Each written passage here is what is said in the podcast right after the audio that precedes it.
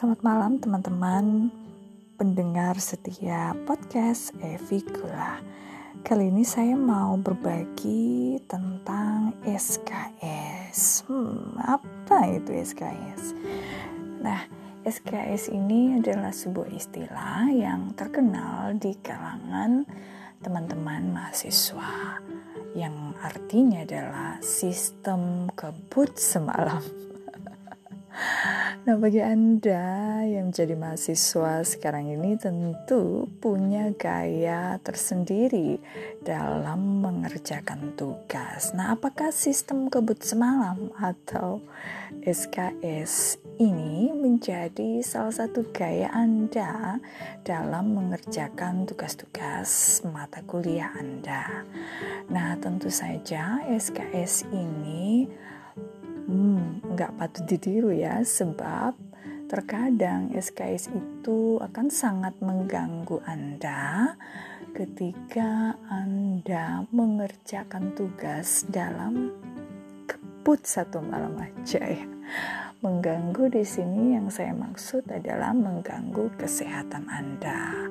Bayangkan saja Anda harus berkejaran dengan deadline waktu untuk mengumpulkan tugas yang sebenarnya sudah diberikan oleh dosen jauh-jauh hari. Lain halnya ya kalau baru baru saja diberikan misalnya Anda harus kumpul malam hari dan baru tadi sore diberikan ya tentu saja itu hmm, bukan salah dari Anda sendiri ya. Nah, SKS ini banyak menjadi gaya belajar atau gaya mengerjakan tugas dari mahasiswa. Ketika misalnya alasan yang paling banyak dikemukakan, dikemukakan adalah udah coba nih dari jauh-jauh hari sebelumnya tapi kok otak nggak mau bekerja ya? Kok nggak datang inspirasi? Kenapa inspirasi itu selalu datang pada saat mau akhir-akhir waktu pengumpulan tugas? Dan biasanya malam hari ya akibatnya anda jadi begadang. Begadang oh jangan begadang ya. Akibatnya jadi kurang tidur kemudian jadi lambat bangun di pagi hari dan ada hitam di kantung mata ya akibat berkadang.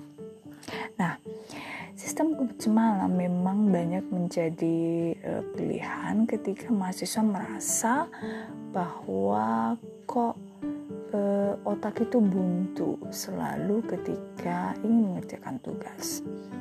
Nah, ada suatu desakan tersendiri, adrenalin yang terpacu kalau mengerjakan sesuatu itu di dekat-dekat batas akhir pengumpulan ya. Ya, itu ibaratnya Anda kalau dikejar seekor anjing.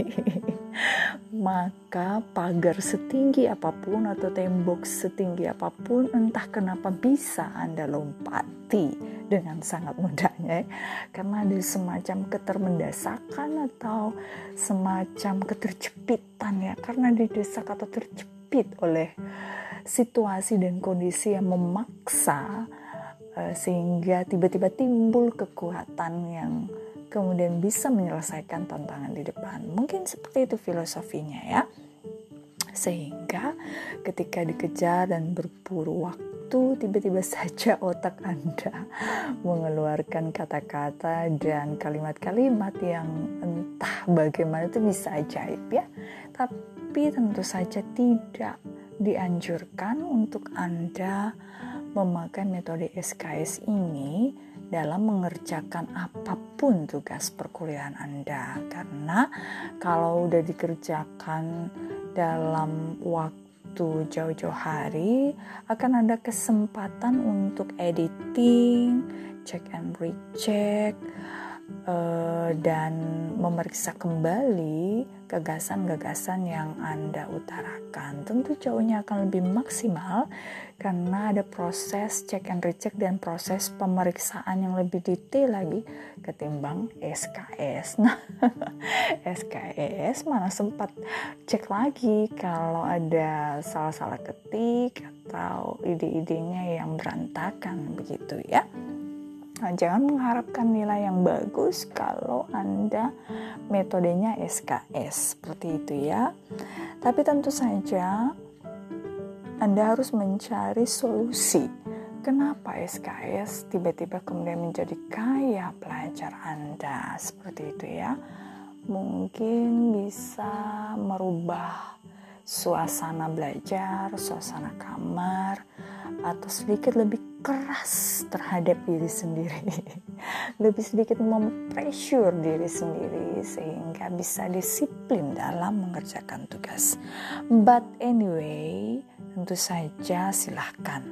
Bagi anda yang tetap ingin memakai SKS sistem malam menjadi lifestyle anda dalam belajar silahkan. Dan Semoga bisa selalu juga mencari metode atau alternatif lain ya, paling tidak diperbaiki deh. Karena bisa jadi ketika Anda terjun ke masyarakat dalam dunia pekerjaan, SKS itu juga akan menjadi kaya Anda dalam mengerjakan pekerjaan atau bahkan mengambil keputusan-keputusan dalam hidup Anda. Sekian dulu podcast dari saya. Saya Evi Kula. Terima kasih sudah mendengarkan podcast ini.